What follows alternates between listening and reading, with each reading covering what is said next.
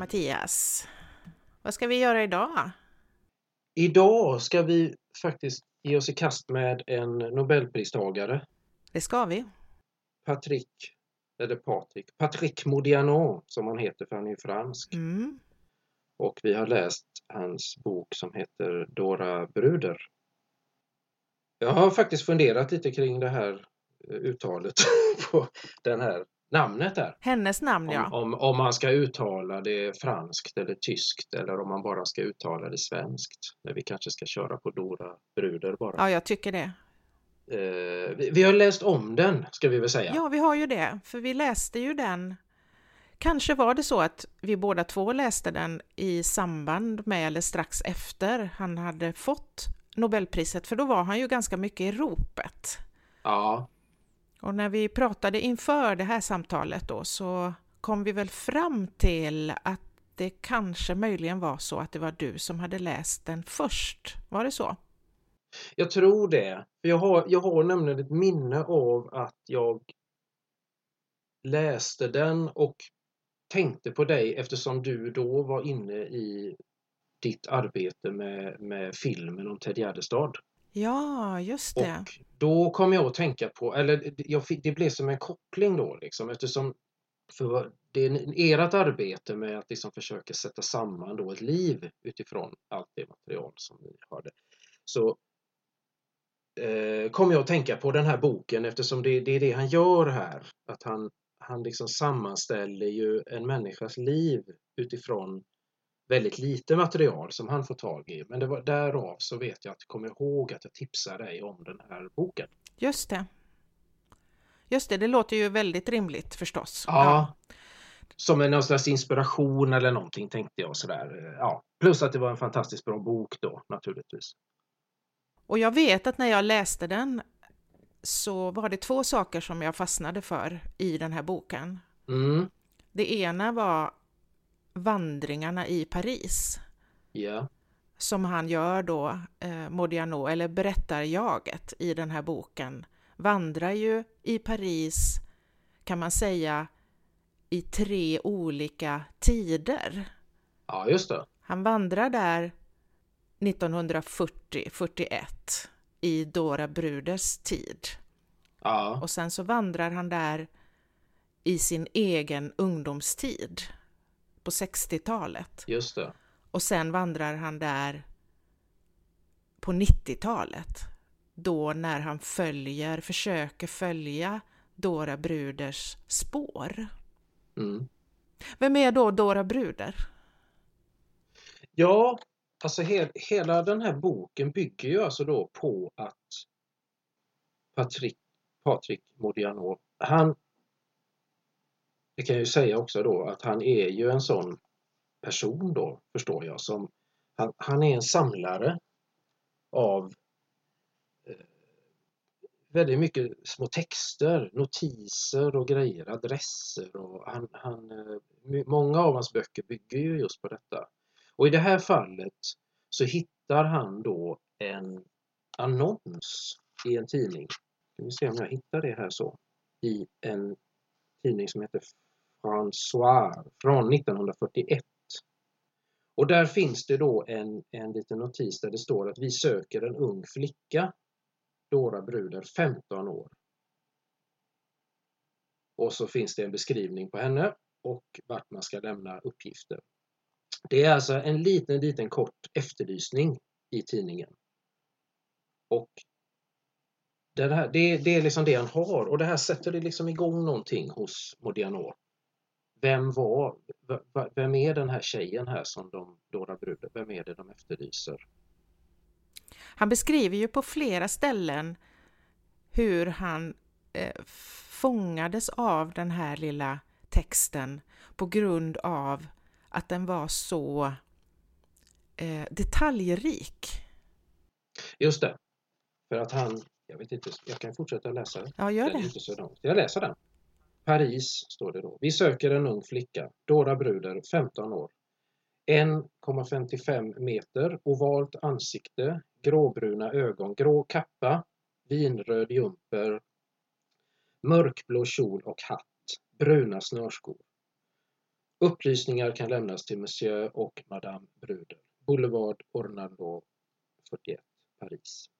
Så det är en väldigt, ja, beskrivningen av henne här liksom. Så här, alla skor och allting liksom. Hur hon såg ut då när hon försvann. Mm. Och det står ju ingenting här i annonsen då naturligtvis om varför de liksom söker henne då. Och det är ju naturligtvis det, det blir som en gåta det här liksom. Varför söker Mm. de här då föräldrarna sin dotter som är 15 år? Mm. Vad har hänt? Det är ju det som Modiano undrar här såklart. Och han kan liksom inte släppa det här riktigt. Nej, han går, det här, det här upptar, han skriver ju det sen då, att det här upptar hans tankar under så lång tid. Han kan inte tänka på något annat. Nej. Han går och tänker på den här Dora Bruder i Paris. Han skriver ju här då, det tog mig fyra år att upptäcka hennes exakta födelsedatum Just det. Och ytterligare två för att få veta platsen för denna födelse. Det var alltså i Paris i 12 arrondissement. Men jag är tålmodig, skriver han. Jag kan vänta i timmar i regnet. Exakt, för det, det här säger någonting om Modiano då, för att han, han verkar ju vara liksom tålamodet personifierat liksom. Ja, Alltså att han kan hålla på och söka efter ett födelsedatum i fyra år. mm. Och eh, alltså på något sätt får man hela tiden känslan av att han, han har inga som helst problem med detta. Det är inte på något sätt att åh, det tog mig fyra år, utan det, det, det är bara ett konstaterande att så, så lång tid kan det ta att söka upp ett födelsedatum. ja, Och det är inte mer med det. Och det här är liksom en anda som han som på något sätt genomsyrar hela denna bok och även andra böcker. precis. Saker och ting får ta den tid det tar bara på något sätt. Han, han, han väntar, han söker och väntar. Och det som är så spännande då, för jag sa ju det här eh, för en stund sedan då, att två saker var det som fångade mig i den här boken. Ja, just det. Och det ena det är de här vandringarna i Paris då, i olika tider. Och det andra det är ju just det att du får, följa, du får ju följa med på den här undersökande resan. För du vet ju liksom inte mer än han Exakt. på något vis. Du blir ju själv väldigt, du börjar läsa och så blir du ju själv väldigt nyfiken på vem är den här? Vad är, vad har hon tagit vägen? Eller vad händer? Eller vad är det frågan om? Varför har hon rymt? Har hon rymt? Eller inte? Ja men, ja, men precis. Och vi, vi får ju till oss i, alltså i takt då som du säger, som, som han hittar uppgifter om henne så får ju jag som läsare till mig det. Eh, de här få grejerna han hittar. Så som du säger, man får, man får ju verkligen följa, man får vara med i den här hur, hur, hur bilden av Dora Bruder skapas eh, långsamt då. Mm. Vilket är otroligt spännande resa alltså. Ja, men det är jättespännande och, och, och jag tror också att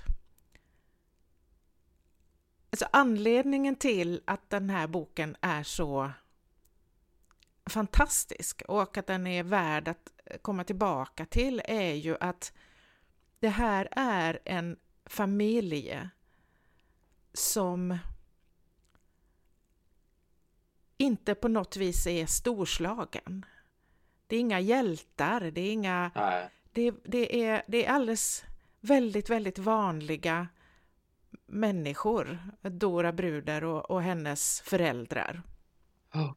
Han, han skriver här på något ställe att det här, precis det här, det här är människor som inte lämnar många spår efter sig. Just det. Nästan anonyma, skriver han. Och att de liksom... ehm, ja, alltså... Det är på något vis som att de inte... Ja, de finns...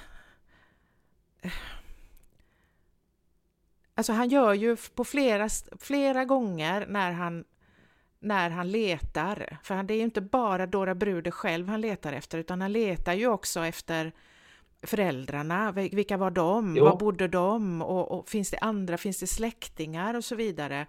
Och, och när, när vi får följa med honom på, de här sö, på det här sökandet så, så, så det är ju då han rör sig i Paris och beskriver då gator och. Gränder och hotell och biografer. Det är som att man får en känsla av att de här människorna, de enda spåren de har lämnat på något vis finns där de har gått, där de har bott. Just det. Um, och det är en jättefascinerande tanke som inte jag riktigt har tänkt på det sättet förut. Som han, förstår du vad jag menar? Mm. Jag är också väldigt fångad av det där. Och jag vet att han beskriver det också ibland när han går där och han liksom han får själv en sån där väldigt stark känsla. Han får ju det med jämna mellanrum. Mm. Att liksom, nu går jag här och då är det liksom som att då, han, han är ju han blir liksom ett på något sätt med, med Dora Bruder. Mm. Nu går jag här exakt där hon måste ha gått. Just det. Vi går på samma gata, jag tittar antagligen på samma mur som hon tittade på. Och där gick hon in genom den grinden. Alltså Mm. att, ja, att, att, att själva stadsmiljön bär på något sätt på alla de människorna då Ja. som har gått där och att man om, om, om man liksom är lyhörd då, vilket han ju verkligen är, så kan man liksom känna det här människan som också har varit här och gjort exakt det som jag gör nu. Mm. Det blir något tidlöst över det hela liksom. Man tappar tiden. Ja, det, det är otroligt fascinerande. Verkligen alltså. Och jag älskar ju verkligen hans relation till, till just detta. Staden och tiden och människorna, livet. För han, är- han är otroligt på att beskriva just detta och att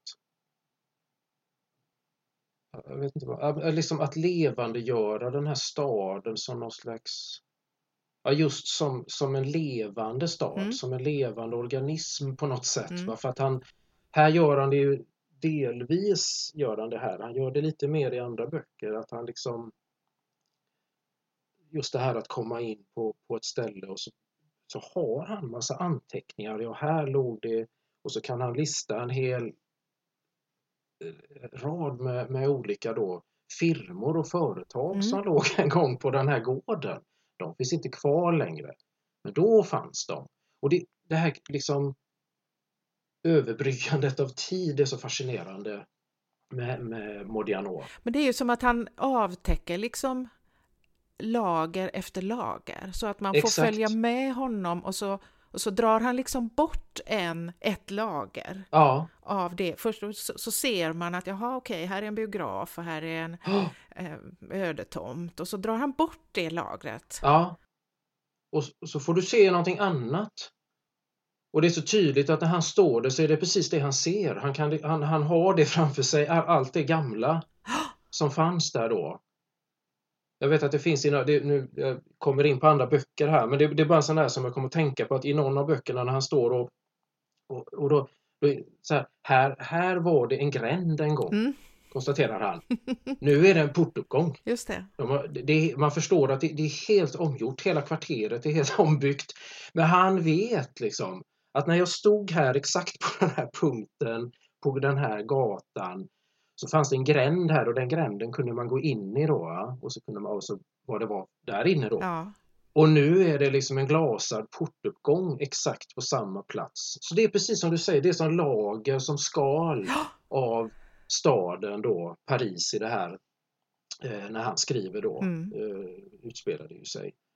Och jag, jag, jag kan liksom på något sätt känna igen mig, det har jag tänkt på faktiskt nu, om man, jag då som, vi som är uppvuxna här på, på västkusten, att jag, jag kan känna igen mig lite grann i detta i min relation till Göteborg numera mm, där man har vandrat mycket genom åren och sen nu, ja, ganska långt tillbaka ja, och där ganska mycket i, i Göteborg är väldigt förändrat. Liksom. Och jag kan känna igen mig exakt i detta som han beskriver det så väl att, att där jag liksom går och jag, man liksom, det kommer grejer hela tiden. Ja, just det, här låg ju det och här var, där låg det ett fik och det, det ger mig liksom, jag, jag vet inte riktigt, men jag, jag får hela tiden någonstans re, re, relatera det, det han beskriver väldigt mycket till Göteborg.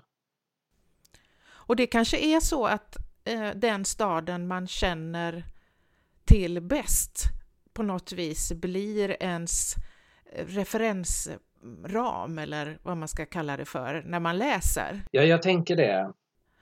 Och jag då som har eh, bytt stad, eller ja, eh, ja just det. Du, det har ju du också gjort, eh, fast inte det, det, Alingsås då är ju lite, det är ju väldigt mycket mindre än Göteborg. Västerås är också mindre än Göteborg, men inte fullt så stor skillnad som om man säger i storlek då. Men för att jag känner ju också igen det här som du beskriver med Göteborg, eh, fast jag har ju inte bott i Göteborg på väldigt många år nu, men men jag växte ju upp där och flyttade ju inte därifrån förrän jag var 22 eh, tror jag, ungefär. Mm. Och det gör ju att när jag kommer tillbaka till Göteborg nu så kan jag ju också eh, då kan jag ju också liksom drabbas av det här, ja här låg det och där gick vi på den klubben och här stod mm. det ett sånt hus. Eller eh, ja, så att just det finns ju där. Men, men jag har ju också det motsatta. För att när mm. jag kom till Västerås då 1989, eh, då var ju Västerås, eh, precis som alla städer i Västerås storlek, hade ju genomgått förstås hela den här stora förändringen som startade på 60-talet och sen bara fortsatte, vet du, med, med, med, stora gråa lådor överallt. Ja. Ehm, gallerior och, och, och, och Konsumhus och Obs och, och sådär va. Och, och sen började, jag började ju jobba då på VLT som journalist och ibland så fick jag sådana här uppdrag, du vet, som gick ut på att man skulle titta på hur det såg ut förr. Ja, ja. Så man fick gå till Stadsarkivet eller ner till tidningens arkiv och, och, och, titta. Det kanske var så till exempel att det byggdes något. De byggde till exempel en, en skyskrapa här. Ja, en liten skyskrapa, men dock en, en skyskrapa. En eh, skrapa. Ja. ja. och då var det ju, då ville ju man gärna se då, ja hur har det sett ut här genom åren? Mm. Och så fick man gå och titta på gamla bilder då och så fick man se, så fick jag då se ett Västerås som ju var helt annorlunda. Och jag vet alltså att jag gick igenom någon form av sorgeprocess nästan. Ja. För att jag såg hur det hade sett ut, vilken, vilken, vilken väldigt fin, vacker stad det här hade varit. Nu är jag ju förtjust i äldre bebyggelse och, och inte jätteförtjust i i det här alltså moderna eh, med glasväggar och, och, och lådor. Va? Utan jag tycker ju om gamla hus, både gamla stenhus och gamla trähus. Och jag minns det väldigt tydligt sen när jag såg att ja, nu där den där gigantiska jättestora gallerian ligger, där var det en gång ett, en, en stadsdel med, ja. med små hus. ja, just det. Ja, så att, för eh, Modiano, han, jag gick och, och letade, reda, letade reda på hans eh, eh, Nobelföreläsning. Den som de, ja. ja. Och, och då eh, så skriver han ju precis om det här med storstäder. Han skriver man kan gå vilse eller försvinna i en storstad. Eh, man kan byta identitet och leva ett nytt liv. Och det kan ta mycket lång tid att spåra en människa om man bara har ett par gatuadresser i en undangömd stadsdel att utgå från. Um, ja, just det. Och, och han, han säger här då att det här korta konstaterande som man kan läsa då i vissa efterlysningar har alltid väckt genklang hos mig. Mm. När det står till exempel senast kända adress i en efterlysning. Just det. Så, så att han har ju en speciell relation just till storstaden, förstår man ju. Ja, absolut. Så är det ju. Jag funderar lite på, på just det här som du säger, vad, vad som var mitt första, alltså det här, mitt, det här första gången jag läste den. Dora Bruder. Och det, jag, tr jag tror också, det, det, det var ju det här hans förmåga att Precis som han gör med staden, fast där har han ju mycket mer information såklart. Mm staden kan han ju skaffa sig fakta och han har väldigt mycket fakta.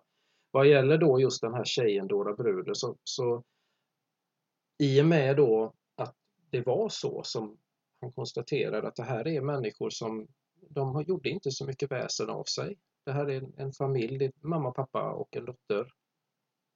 Och de har liksom inte gjort någonting som har liksom har gjort, alltså satt så mycket spår då vilket gör att han, han, han, kan, han hittar inte så jättemycket egentligen uppgifter och fakta om Dora Bruden. Nej.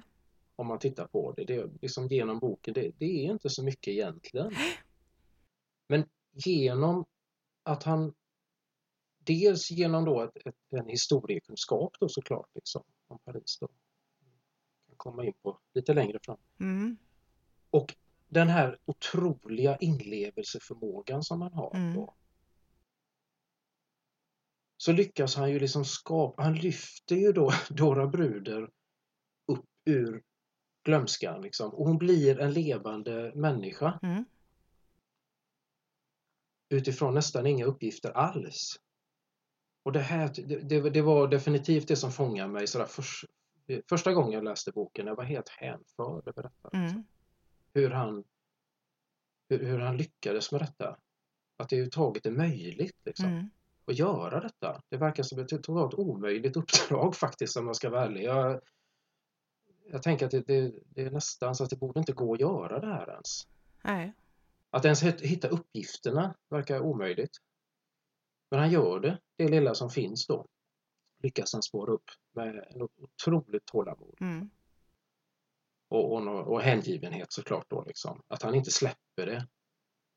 Utan han, han fortsätter liksom enträget. Det finns där liksom där någonstans hela tiden. Då.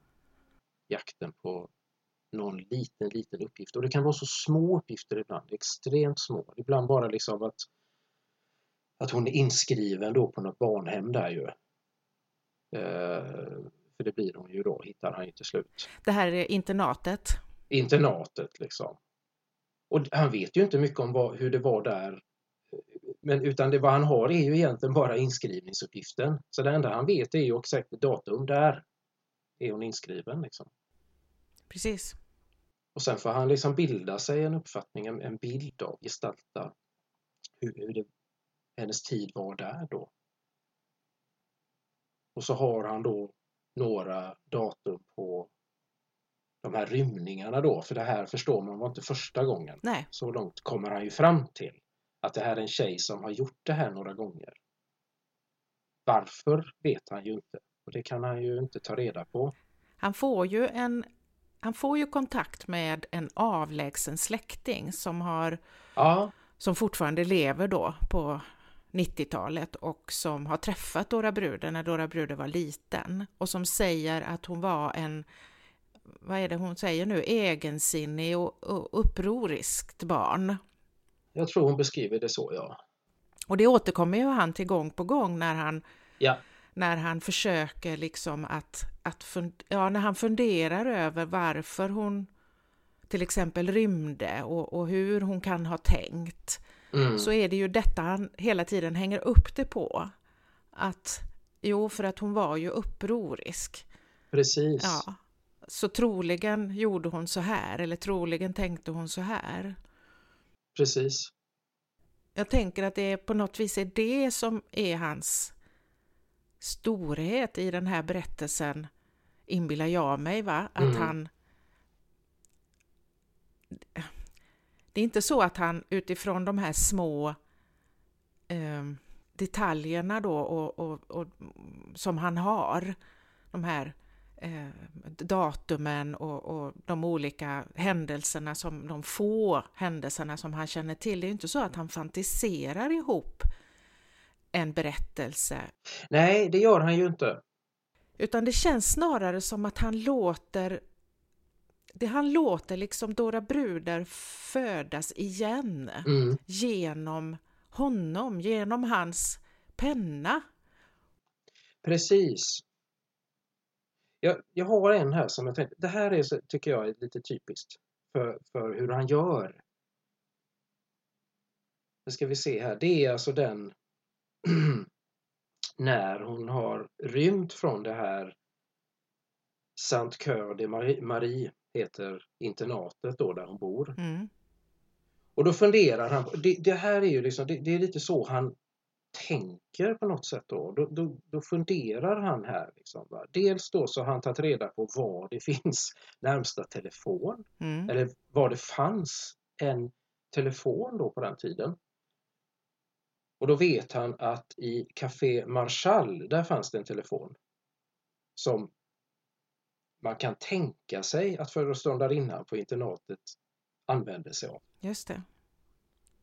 Och sen så går han och, och så funderar han då på om, om hon då försvann på någon gång här under helgen där då liksom, då kanske hon väntade ända till måndag morgon.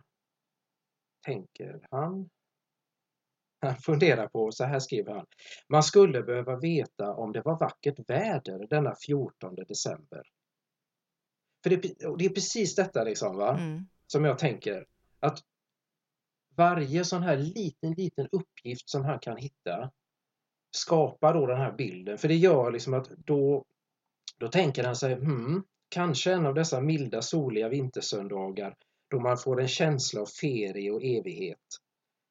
Alltså, på något sätt så försöker han då liksom via de här, de här få faktauppgifterna som finns och skapa sig en bild av var det vackert väder eller regnade? Mm. Och hur påverkade det Dora Bruder?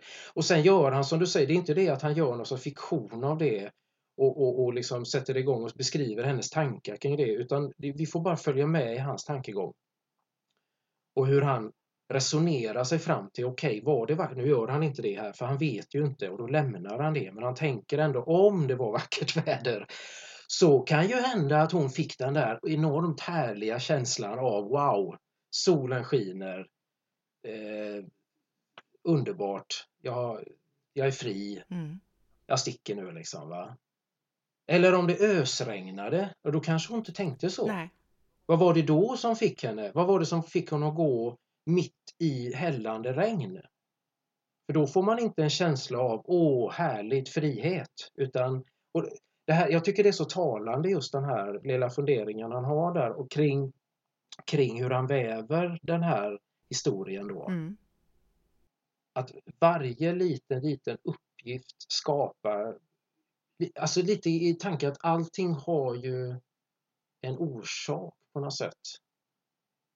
Eh, varje beslut jag tar påverkas ju av massa yttre omständigheter. Och det är liksom det på något sätt också som han väver in då i när han försöker förstå Dora Bruder. För på ett annat ställe, eller om det är där på samma ställe, så har han ju också en fundering kring närheten till järnvägsstationen. Han, han skriver ju det att Där är en till ja. internatet ligger nära Gare de Lyon. Kan det möjligen vara så att Dora Bruder, när hon sitter där på sitt rum på internatet, kanske till och med hör hon ljudet ifrån eh, järnvägsstationen? Ja, Och att det ger en känsla av att kan det finnas en annan tillvaro? just det. Eh, Kan det finnas en frihet som hon kanske möjligen suktar och längtar efter? Eftersom hon då rör sig, förstår man ju, mellan det här internatet och det hotellrum där hennes föräldrar bor. Just det. För så är det ju, de bor på hotell, hennes föräldrar. Ja, i ett, ett rum Ja, eh, har de där då ja. Och det är ju det han spekulerar, var det därför hon blev satt på internat? ja. Det vet han ju inte heller, men han tänker sig att det blev för trångt. Mm, Det är en tanke han har. mm. Att, att eh, det gick inte i längden Nej. att leva så. Och här förstår man väl att, att eh, det här var väl inte jag vet inte, jag kommer att tänka på så Chelsea Hotel omskrivna bland alla artister i USA. Ja. Som alla, alla har bott på Chelsea Hotel.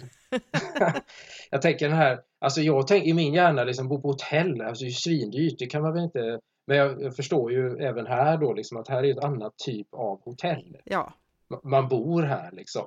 Här är en bostad, man hyr ett rum, ett hotellrum och så bor man där. ja. Eh, jag vet inte om vi någonsin har haft den typen av hotell här i Sverige riktigt. Jag, Nej, jag tror kanske inte det. Jag vet, men jag tror det känns inte så. För jag tänker, jag kommer ju att tänka på eh, att, att eh, då när jag var i Paris, det var på 80-talet när jag tågluffade, början på 80-talet. Ja, Och eh, i olika länder så bodde man på olika ställen. Olika, ofta var det vandrarhem då som var det billigaste. Men just i Paris mm, var det billigast att hyra just ett hotellrum. Eh, någon, och jag vet att vi återkom till flera eller vi återkom flera gånger till ett hotell, jag kommer inte alls ihåg vart det låg någonstans nu, men där kunde man hyra de rummen som låg högst upp, där det inte gick hiss hela vägen upp. Väldigt billigt. Ah, billigt då. Ja. Mm. Mm. Och jag minns liksom, för att alla andra ställen, där bodde vi på vandrarhem, men just i Paris, där kunde man liksom bo ganska, mm. ja men relativt, eh, vad ska man säga, centralt va? Eller bra, på bra avstånd från tunnelbanestationer och sådär. Okay. Så det är antagligen den typen av hotell har jag tänkt mig när jag har läst. Va? En, en annan typ av hotellverksamhet. Liksom, ja, det där måste... man kan bo mm. en längre tid. Mm, det måste det ju Och vara. som sagt, det finns ju uppenbarligen i andra länder också så det blir lite olika där. Liksom. Tycker för övrigt det är jättedåligt att du har glömt av adressen. Ja. Om vi nu pratar Modiano, det hade han aldrig gjort. Han hade absolut kunnat redogöra för vilken gata det här låg. Ja, absolut. Definitivt. Bakläxa. Men nu har vi ju då läst om den här boken. Ja. Och då får man ju alltid en ny bild av en bok. Det är alltid spännande. Sist hade vi ju läst om eh, Lundell och det gav ju liksom en helt ny. Då läste vi Vinter i paradiset. Mm. Och det var vi ju, båda två hade ju liksom en helt ny upplevelse av den boken. Ja. Eh, fast på ett helt annat sätt såklart liksom, än vad den här boken. Och jag måste ju säga att det här har ju jag, jag den här gången nu, nu har inte jag, jag, jag har sparat den här boken lite grann då för att jag tyckte så fruktansvärt mycket om den. Jag tyckte den var så otroligt bra och fin så att jag har liksom verkligen sen jag läste den då för några år sedan så har jag, jag har knappt öppnat den här boken faktiskt. Så det var jättespännande nu att få läsa den igen och då tänkte jag på det då när vi läste Lundell förra gången, för då går man ju in i, i läsningen på ett sätt att liksom, nu ska jag få uppleva det här magiska igen som vi pratade om då. Just det. det som vi upplevde den gången. Liksom. Och det blev lite samma grej igen då, att det, den var precis lika bra, den är precis lika magisk, fast på ett helt annat sätt mm. den här gången. Det var, det var väldigt fascinerande alltså. Vad, vad tyckte du? Av, eh, liksom av omläsningen så att säga? Dels så tycker jag på sätt och vis så tycker jag faktiskt att det som vi redan har pratat om då eh, när det gäller miljöerna och Paris och, och, och Dora Bruders person och alltihopa det här. Mm. Det har lite grann, det blev annorlunda men också att det fördjupades lite. Det var som att det var en mer medveten läsning och det kan ju ha att göra med att det inte var ett mysterium för mig den här gången. Alltså Dora Brudar, jag mindes ju ja. um, ungefär vad så att säga han kom fram till och vad det hela landar i till slut och då gjorde att att uh, just det här mysteriedelen uh, föll ju bort. Va? Ja. Och det tror jag i sin tur gjorde att jag att, att det, var som att känslan för Dora Bruder liksom fördjupades. Så kunde jag känna. Mm. Att jag, blev, jag kom henne närmare. Mm. Eh, och det är det ena. Det andra som jag eh, faktiskt blev förvånad över, för, för, att jag inte riktigt förväntade mig det. Och det var nog för att jag inte riktigt hade sett det förra gången och det är ju hela alltså den, den, ockupationen av Paris, alltså tiden när detta händer, när detta sker. Och jag vet inte varför jag inte reagerade på det lika kraftfullt förra gången, men det gjorde jag inte. Men den här gången var det nästan det som blev um, huvudbehållningen av den här läsningen var att få lov att följa med i den här under de, de här, ja, året kan man väl säga då, då eh, av eh, Paris ockupation under andra världskriget och hur det påverkade enskilda människor. Ja. Ehm, där Dora Bruder och hennes familj var en eh, familj och ett levnadsöde i detta, men där vi ja. också får inblick i andra levnadsöden. Och jag, jag har tänkt på det nu inför att vi skulle prata idag, att jag jag tror faktiskt aldrig att jag har blivit så tagen av en, en eh, berättelse, en beskrivning, en redogörelse för eh, andra världskriget och dess eh, ja, alltså vad, vad som hände med enskilda människor än, ja. än, den här boken. Alltså den har, den har tagit så djupt i mig så att jag har, mm. jag har gått och tänkt på, på Paris ockupation och på, mm. på andra världskriget och på Frankrike och på Europa, alltså i flera veckor nu. Mm. Ja, det är intressant för jag, jag, jag gjorde exakt samma erfarenhet det, det, det är nästan identiskt faktiskt. Ja.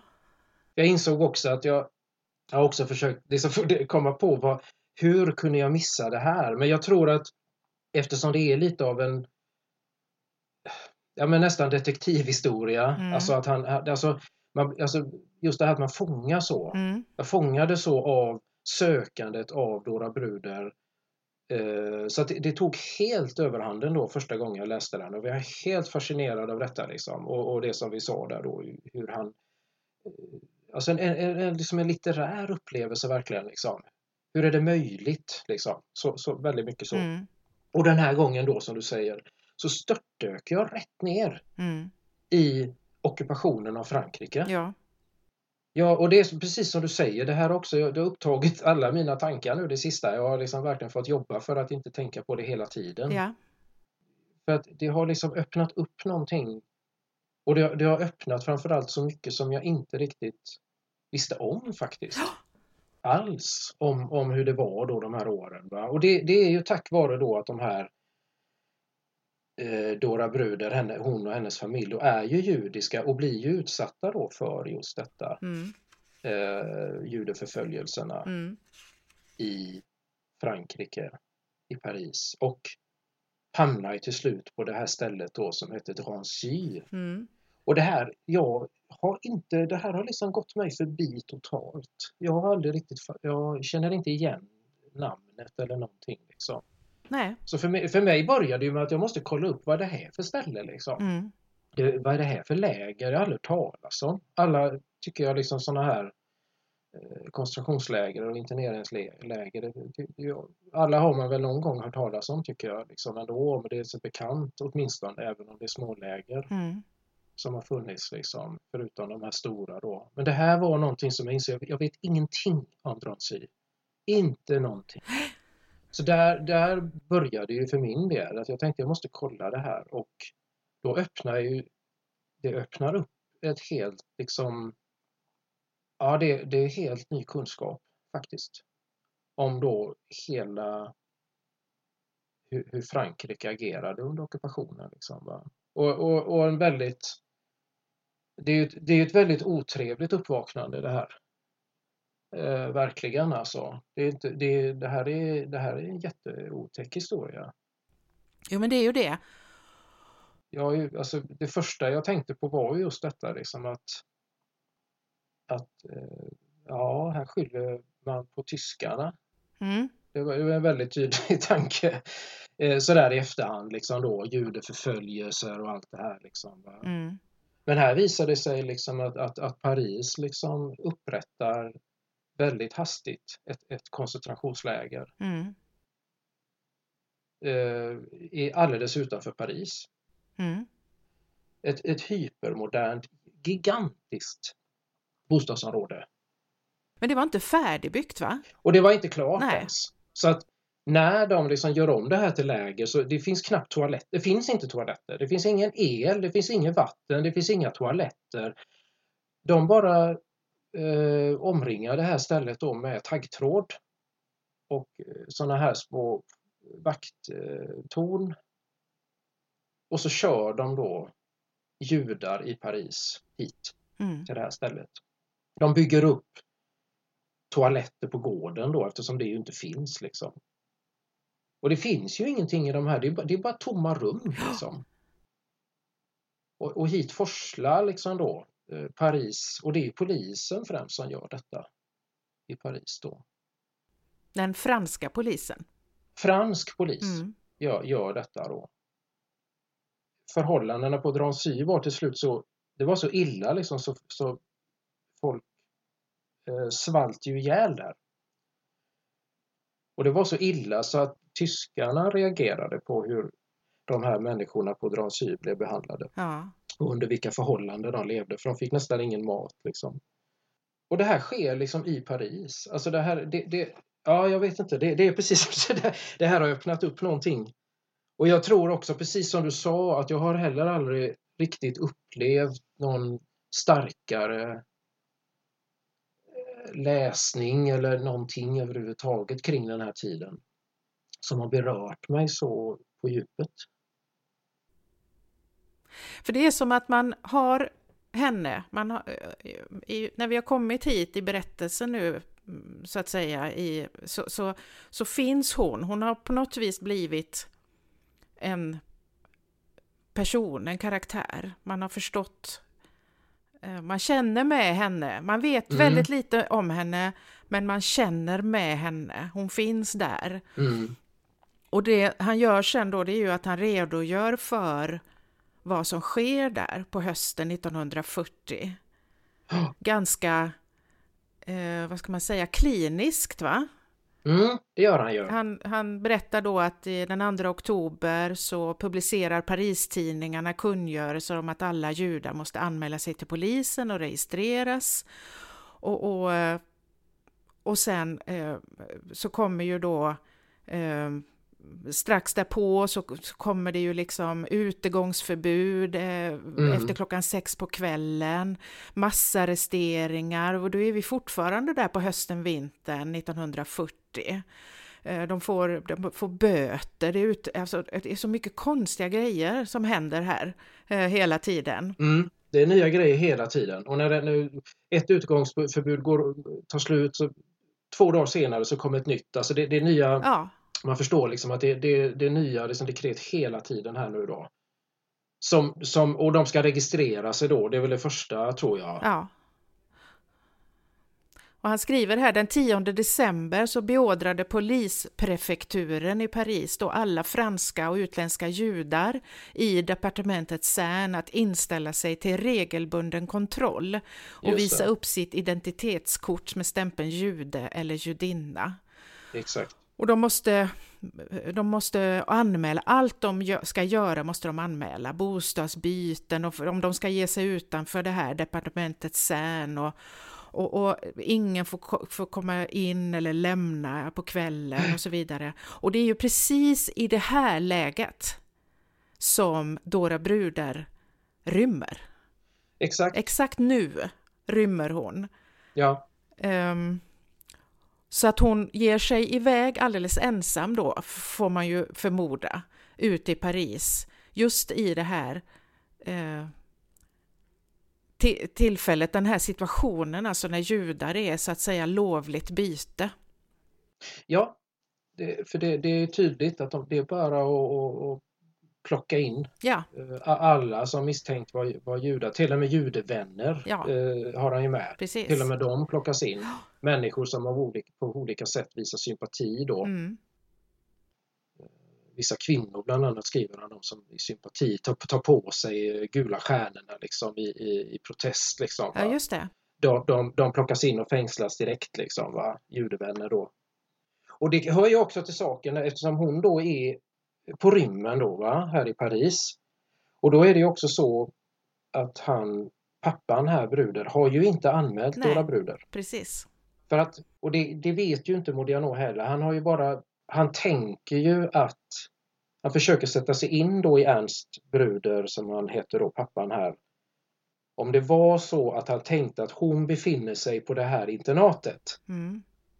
Och kanske kan hon de som är där, kan, om de håller sig där så kanske de liksom kan på något sätt klara sig undan det här.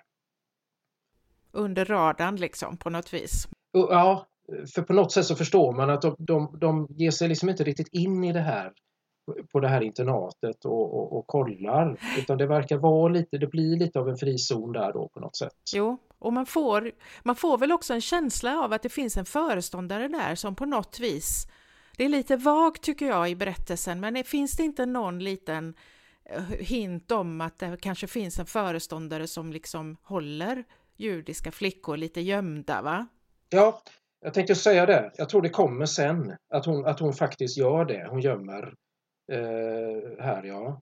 Men som han säger, jo just det, jo det gör han. Han skriver att men grejen var att hon föreståndarinnan visste ju inte att Dora Bruder var judisk ens. Nej, just det.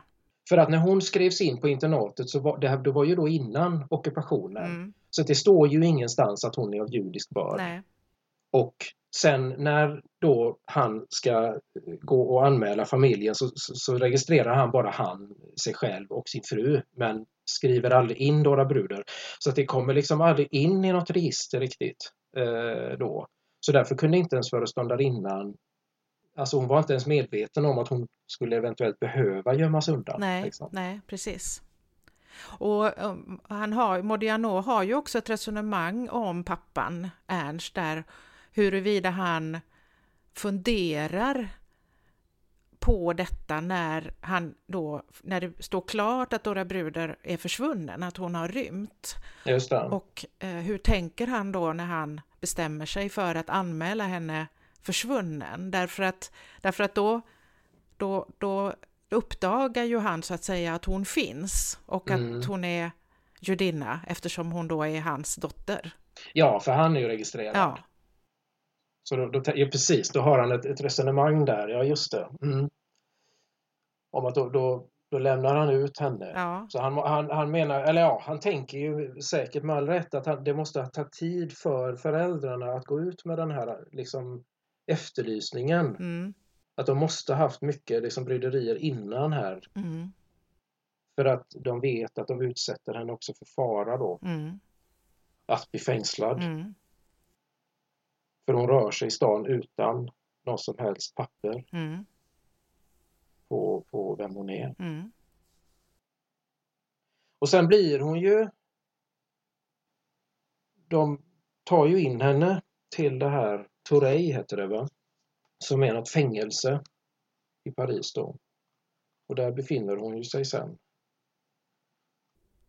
Han skriver här själv här att jag blev till sist övertygad om att det var i iskalla mörka februari när polisens avdelning för judefrågor gillrade sina fällor i metrons gångar utanför biografer och teatrar som Dora blev infångad. Mm. Det måste ha varit i februari, tänkte jag, som de fångade henne i sina nät. Det går ju alltså man vet inte hur man ska reagera. Alltså de, de kallar ju detta då för Operation Vårvind. Alltså det, det, är så... Det är, Frankrike då liksom. När Ja, de gör massarresteringar då. Och summan av räden har jag hittat här blev till tyskarnas besvikelse bara 13 152 personer. Och av dessa då, och här kommer ju då liksom Dora in i alla de här siffrorna liksom då, så var 4 115 var barn av dessa människor då som man hade eh, arresterat då eller satt in och, och som hamnar då på Drancy liksom. Över 4000 barn. Och här är ju Dora för hon är ju 15 ja precis. så hon går ju in, hon är ju en av dessa liksom Mm. eh, personer då. Mm, Och det, det är liksom det, här- det är det här liksom, det är mycket sådana här uppgifter som, det här står ju inte i den här boken men det är sånt här som jag har liksom varit tvungen att ta reda på nu då att, att, att de här det, här, det fanns liksom inte ens någon order, inte ens från Tyskland då, att man skulle arrestera judiska barn. nej. Utan det här var någonting som, som, som Frans, Frankrike då, liksom Vichy-regimen som då hade hand om, som, som regerade över den här halva Frankrike som kallades den fria zonen då. Att det var ju liksom deras beslut detta. Att även då ta in alla dessa barnen. Och sen efter det så frågar man tyskarna, nu har vi 4000 judiska barn här, vad ska vi göra med dem?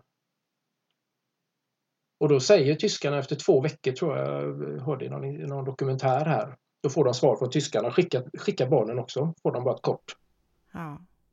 Och då tar ju Frankrike också beslutet, det slutgiltiga beslutet. Ja men de hade ju kunnat släppa, alltså, alltså det är så sjukt, det är klart de hade kunnat släppa allihop. Men det, det, här, det, här, är, det här är så fruktansvärt liksom va.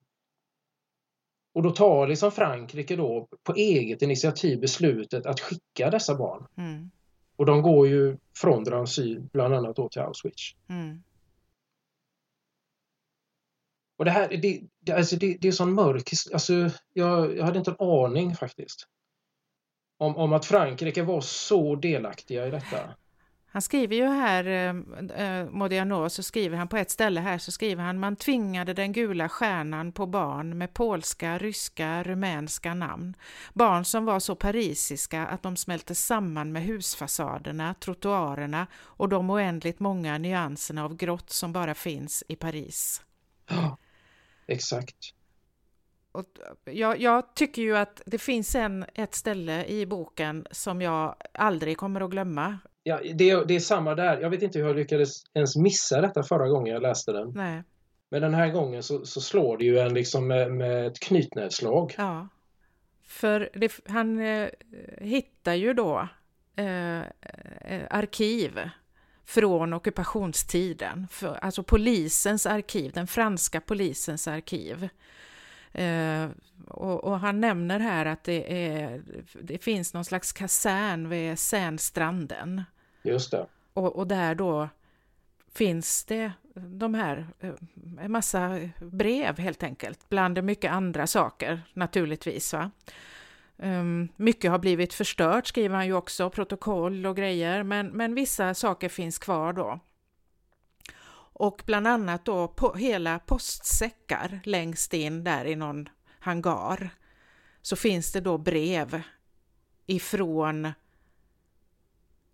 parisare, Paris, parisiska eh, fransmän helt enkelt, som skriver till polisen om personer som har blivit tillfångatagna då. Mm. Och alltså de är så det är, så, det är så rörande och så fasansfullt att läsa de här breven. Mm. För att de är så välformulerade. Mm. De är skrivna på ett, med ett korrekt språk och med en underliggande övertygelse om att det är, det har, nu har det begåtts ett fel här som vi måste rätta till.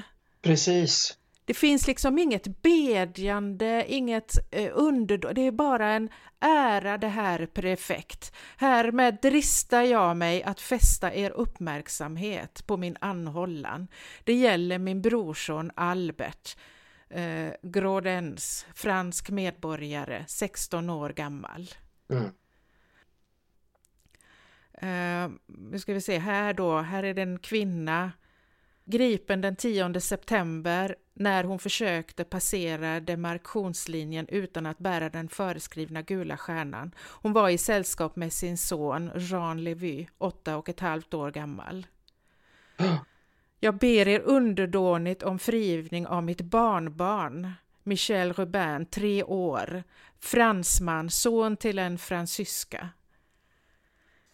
Alltså jag, du vet, jag, jag får... Är det är så smärtsamt detta jag, jag får svårt att andas när jag läser det här därför att, därför att jag, jag inser på något vis att det här kom, det kommer så nära mig. På något vis, för jag förstår att det här är från ena dagen till den andra så förändrades tillvaron för de här människorna och plötsligt var de tvungna att skriva brev till sin egen polis. Ja, till polischefen. Ja, om att polisen hade fängslat ens treåriga barnbarn. Ja. Och man var helt övertygad om att man hade rätt att skriva det här brevet och att bli läst och att saker och ting skulle rättas till.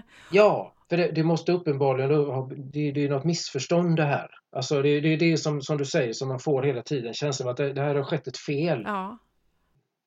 Ni måste, liksom, ni måste hitta det här, mitt barnbarn här och se till så att den kommer hem va? igen. Liksom. För det här, det här har blivit något galet här. Liksom. Det här är fel.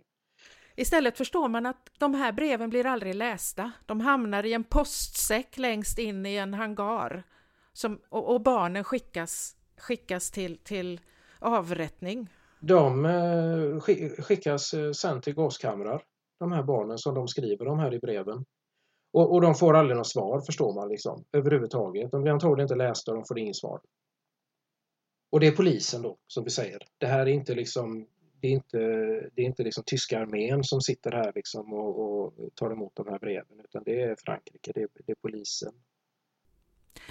I, sitt, eh, I sin Nobelföreläsning här så, så, så säger Modiano eh, om motiveringen då. En del av motiveringen till hans Nobelpris var då att han har avtäckt ockupationsårens livsvärld. Och då säger han det att i likhet med alla som föddes 1945 är jag ett barn av kriget och närmare bestämt, eftersom jag är född i Paris, ett barn som har det ockuperade Paris att tacka för att det blev till. Det var ett Paris som invånarna ville glömma så fort som möjligt.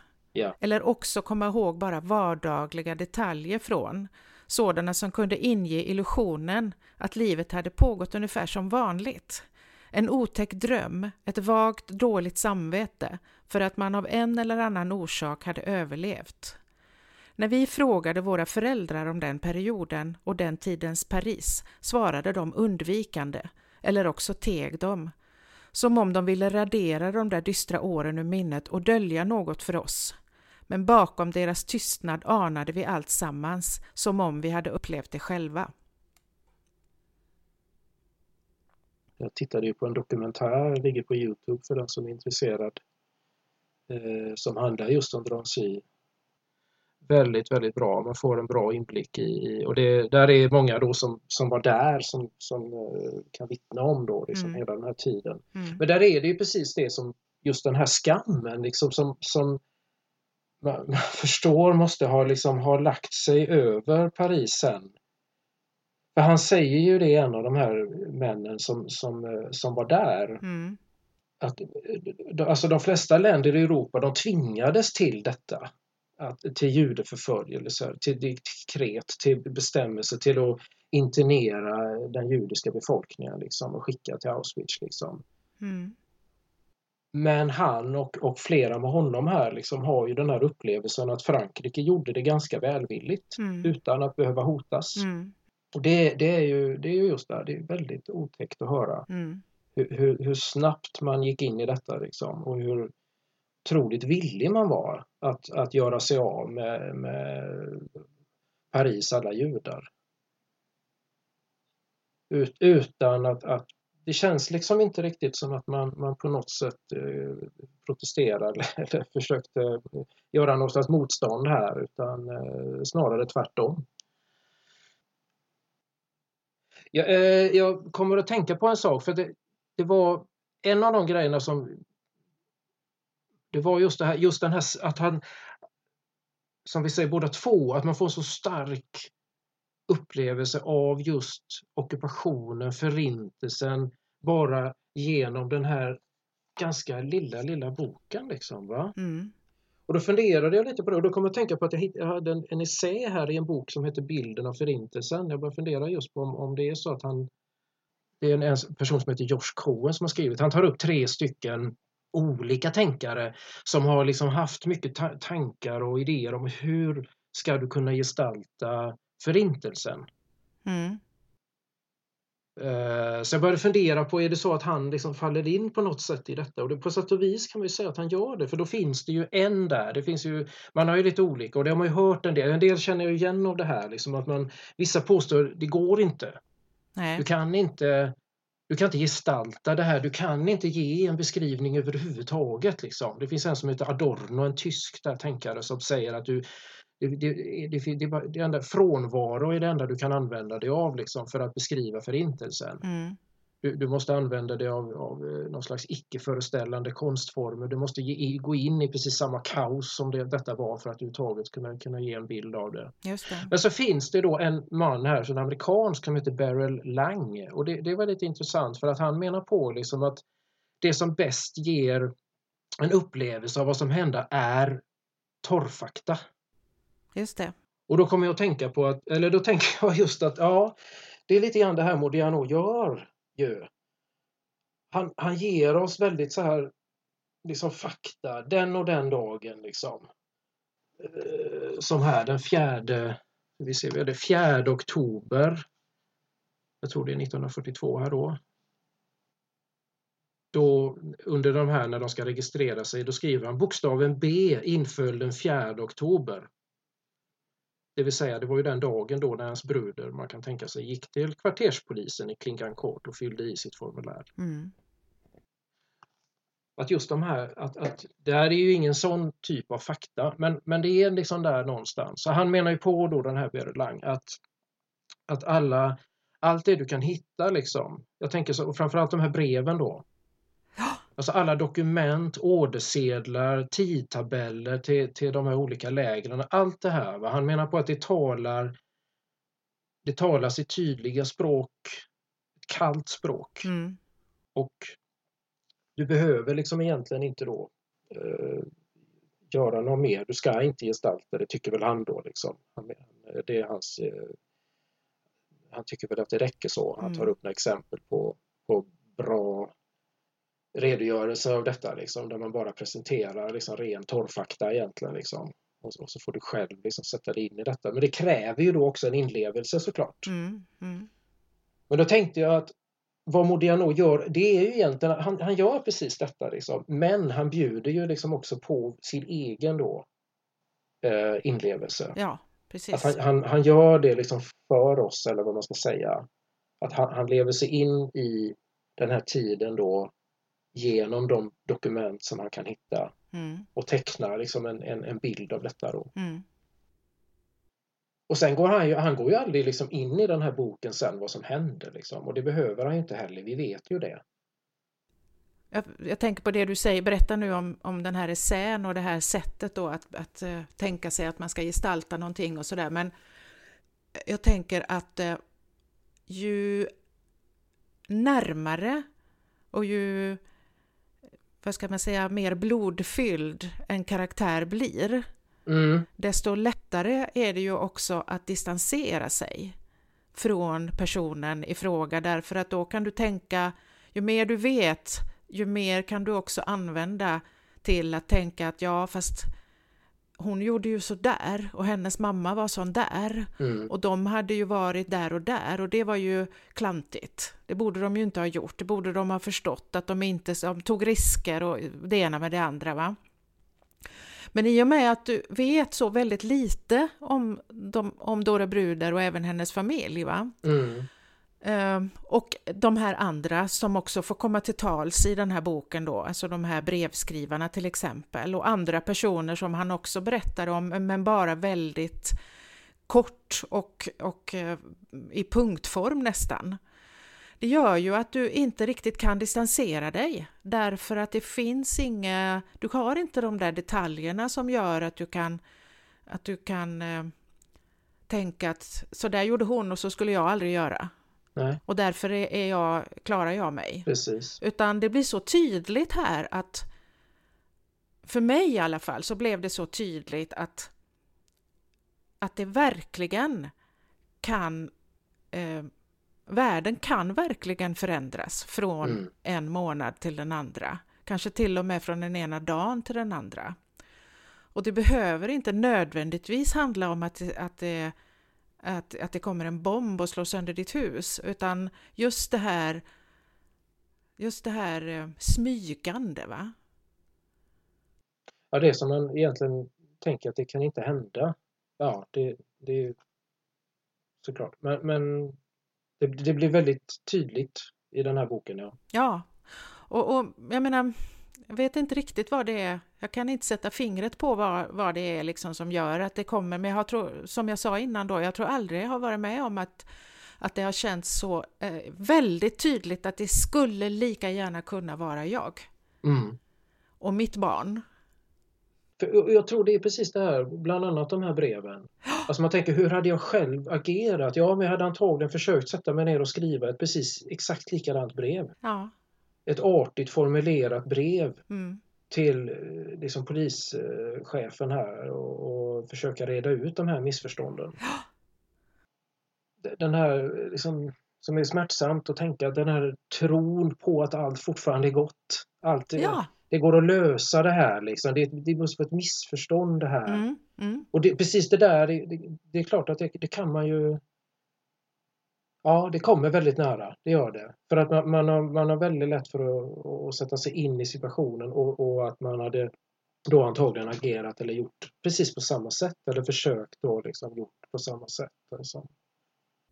Och just det här att han framhåller att det här är fransmän. Det här är fransmän. Det här är franska familjer, det är franska barn. Och det är franska barn, det är franska medborgare, det är liksom precis, för det här är, liksom, det här är vad, vad vi gör mot våra egna. Precis, och, och jag menar, ja, och vem, vem säger att inte just någonting som jag har med mig på ett eller annat sätt, att jag råkar tillhöra någon specifik gren av någonting, en vacker dag visar sig vara till min nackdel. Mm, mm. Och inte, men inte till mina grannars nackdel, utan just bara till min nackdel. Mm. Ja, det är ju en läsvärd bok det här, det måste vi ju ändå säga så här, om vi ska fundera på avrundning. Ja, nej, den, är, den är väldigt läsvärd. Alltså. Den är, ja, som synes, den väcker otroligt mycket tankar ja. och, och känslor. Ja, det är en fantastisk liten bok faktiskt. Det är det, på, på så många olika sätt. Ja. Och, och, jag tyckte att det var lite roligt för jag hade faktiskt glömt bort eh, den här kopplingen mellan, mellan Dora Bruder och mitt arbete med Ted Gärdestads dokumentären. Men, men det, du har ju helt rätt i det, därför att mm. även om det inte alls är, är samma typ av människoöde eller historia så är det ju det här med att göra, att följa en människas spår är ju väldigt fascinerande. Ja visst, och försöka förstå en människas beslut och ja men allt det här liksom. Bara. Och om man är intresserad av Modiano så är ju flera av hans böcker är ju precis på det här sättet, fast, fast helt annorlunda också. Men han har ju det här, eh, han, han är ju en person, en författare som på något vis undersöker världen. Mm. Och undersöker människor och undersöker människoöden och mm. relationer. Och, och, och, han gör det ofta på, på det här sättet, att han liksom följer någonting ganska diffust i början. Ja, det, det, är ofta så eh, i hans böcker. Det, det, finns, det finns en, en, eh, ja, en jakt eller ett, ett sökande ofta efter en person. Sådär. Mm. Nå, någon som du säger, någon, ett vagt, jag har eh, jag har, jag vet lite grann det här innan, jag har hennes senaste adress och här står det ett gammalt telefonnummer på en lapp. Precis. Och så eh, kretsar liksom eh, romanen kring det här sökandet då liksom efter den här personen. Var, vart blev hon av eller han då? Liksom. Mm. Och sen då allt, allt det här andra runt omkring då som han eh, Ja men hans liksom samlande då liksom av, av lappar och notiser och adresser och kvarter och alla hans böcker är så fyllda med detta liksom. Jag, Ja, det är ett författarskap som jag inte riktigt kan, jag kan inte riktigt jämföra det med, med någonting liksom. De är så de är, de är, det är märkliga böcker, va? Så de, är, de är så sprängfyllda av, av stämningar och, och, och, och känslor och, och, allt det här. Liksom. Samtidigt är de väldigt lättlästa. Mm. Mm. Inte just den här boken, men jag kom att tänka på nu den här, eh, jag tror det var Nätternas gräs. Det var en sån här bok jag hade på jobbet ett tag när jag jobbade jour. Och till slut, jag, jag läste den under så lång tid. Eh, och så somnar man ifrån den. Och, så att jag visste inte riktigt vad jag var till slut i den där boken och jag insåg att det gjorde ingenting. Jag, jag hoppade in och ut och läste lite här och lite där och det var helt underbart liksom. Ja. Och bara glida i och ur det här livet liksom. För den är verkligen skriven så. Det, det var någon som beskrev hans böcker på det viset också. Just det här att det finns liksom Här är ju så tydligt, här finns det ju verkligen ett början och ett slut i just Dora Bruder. För här är början med att han hittar annonsen och det slutar med att han får reda på liksom, ja, nu har jag dokumenterat hela hennes liv här liksom. Men i många av hans andra böcker är ju sådana att man, man dimper liksom ner där i Paris och sen så lyfts man ur igen när boken är slut. För det finns liksom aldrig, det finns ingen riktigt tydlig början, det finns ingen riktigt tydlig slut utan det, det är lite som livet självt. Mm. om man får åka med där ett tag Mm. med honom. Det, det är fantastiskt faktiskt. Och, och jag kan också känna att jag blir lite stärkt i mitt eget arbete för att eh, jag tycker att det är så befriande att han har ett sånt enormt tålamod. Ja, Att han, eh, exakt. När han letar efter någonting va, så, så går han från ena stället till det andra och så möts han av att nej men då måste du fylla i den här ansökningsblanketten och så måste du gå dit och de har öppet på fredagar mellan tre och fyra Mm. och, och ja så gör han det och sen så tar det fyra månader innan han får något besked eh, därifrån och, och och det är ju det som gör naturligtvis att det tar då fyra år eller vad det nu var för Ja. att hitta då ett datum till exempel, födelseattest och så. Och, och jag kan ibland känna i mitt eget, när jag arbetar själv med mina egna projekt, va? Mm. att jag blir stressad och tänker att jag måste gå fort, jag måste, det måste, jag måste få tag på det här och, och jag, det ska helst räcka med en googling och så gör det inte det. Och så, det.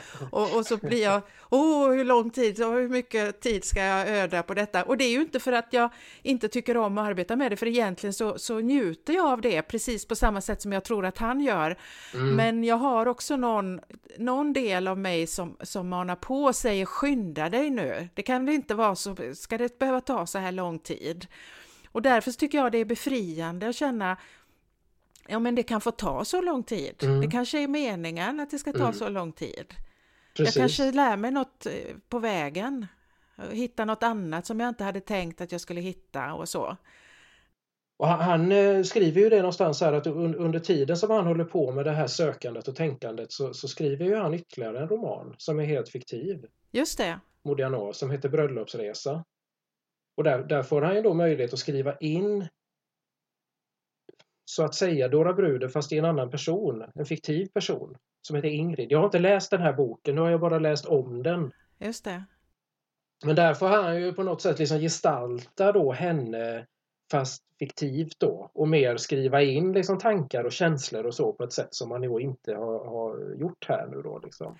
För vet jag får ju känslan när han berättar om den, eh, om det arbetet, så får jag ju det, känslan lite av att det nästan är som en, det är nästan lite terapi för honom, därför att han, han, han tror ju, en del av honom tror inte att han ska hitta Dora Bruder, att han ska hitta någon mer. Han, han, han har en känsla av att han har nått vägs ände, tror jag. Jag kommer aldrig att hitta, jag kommer aldrig få veta vem hon var. Och i den eh, besvikelsen liksom så, så, så börjar han då berätta, eller skriva på den här andra romanen och det är ju ett jättebra sätt. Gud vad bra! Eller för att det är säkert, det har säkert, vad ska jag säga, de där två berättelserna har säkert befruktat varandra. Mm. Jag kan tänka mig det och det, jag kan tänka också nu när jag tänk, funderar här att, att det gör ju också säkert att, att jag menar, Ja, det, det är ju lite genialt. För att, då, då kan han ju liksom lägga alla sina spekulationer om vad, vad hon tänkte och kände i boken Bröllopsresa. Ja, precis. Och så kan, hon, kan han låta Dora Bruder-boken vara, vara helt liksom ren från sånt. Inga spekulationer om vad hon tänkte och kände och upplevde på något sätt. Liksom. Utan bara hålla sig till fakta där och vissa spekulationer kring liksom de, den, den informationen. Då, liksom. Så det här så du säger säkert att, att just den här boken blev så, för det, det, ja men det blir lite så här, vad ska man kalla det? Ja men ren kanske ja. Det är väl ett bra ord. Ja, Den är, den är liksom saklig samtidigt som den är så inkännande då. mm. Och det är som du säger, det kan man ju tänka sig att, att han lyckades med just för att han kunde lägga in allting annat i den andra romanen då.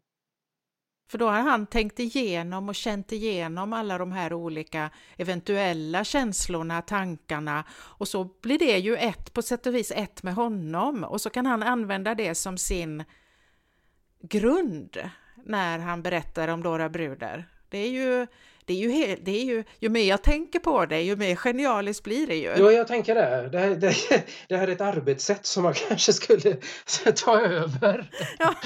det är ju det är ju suveränt faktiskt. Ja, alltså. ja. Att, att liksom, ja, Det här är ju toppen. verkligen. Ja, men det är det. det fick vi ett, det är ett bra eh, tips också. Ett skrivtips helt enkelt fick vi av eh, Modiano där. Ja, det får vi, tack, vi tackar honom och bugar och bockar. Vad ska du göra idag Mattias? Jag ska kanske ner till att antingen ska jag sätta mig här och skriva, ska jag eventuellt göra en utställningstext till den vernissage som vi har snart. Eller så ska jag ner och teckna lite i ateljén. Jag har inte riktigt bestämt mig än. Vi får se. Jag får ta det efter lunchen där så tar jag beslut. Just det. Ja, själv då? Ja, jag ska åka till återbruket. Jag är ju nämligen mitt i, i ett flyttkaos så att jag vet inte var jag har någonting. Men sakta men säkert så börjar jag göra mig av med en massa grejer och eh, idag så blir det nog två last till återbruket. Mm. Men eh, vi säger väl helt enkelt hej då till nästa gång. Det gör vi. Tackar för oss. Och på återseende. Hej! Hej då!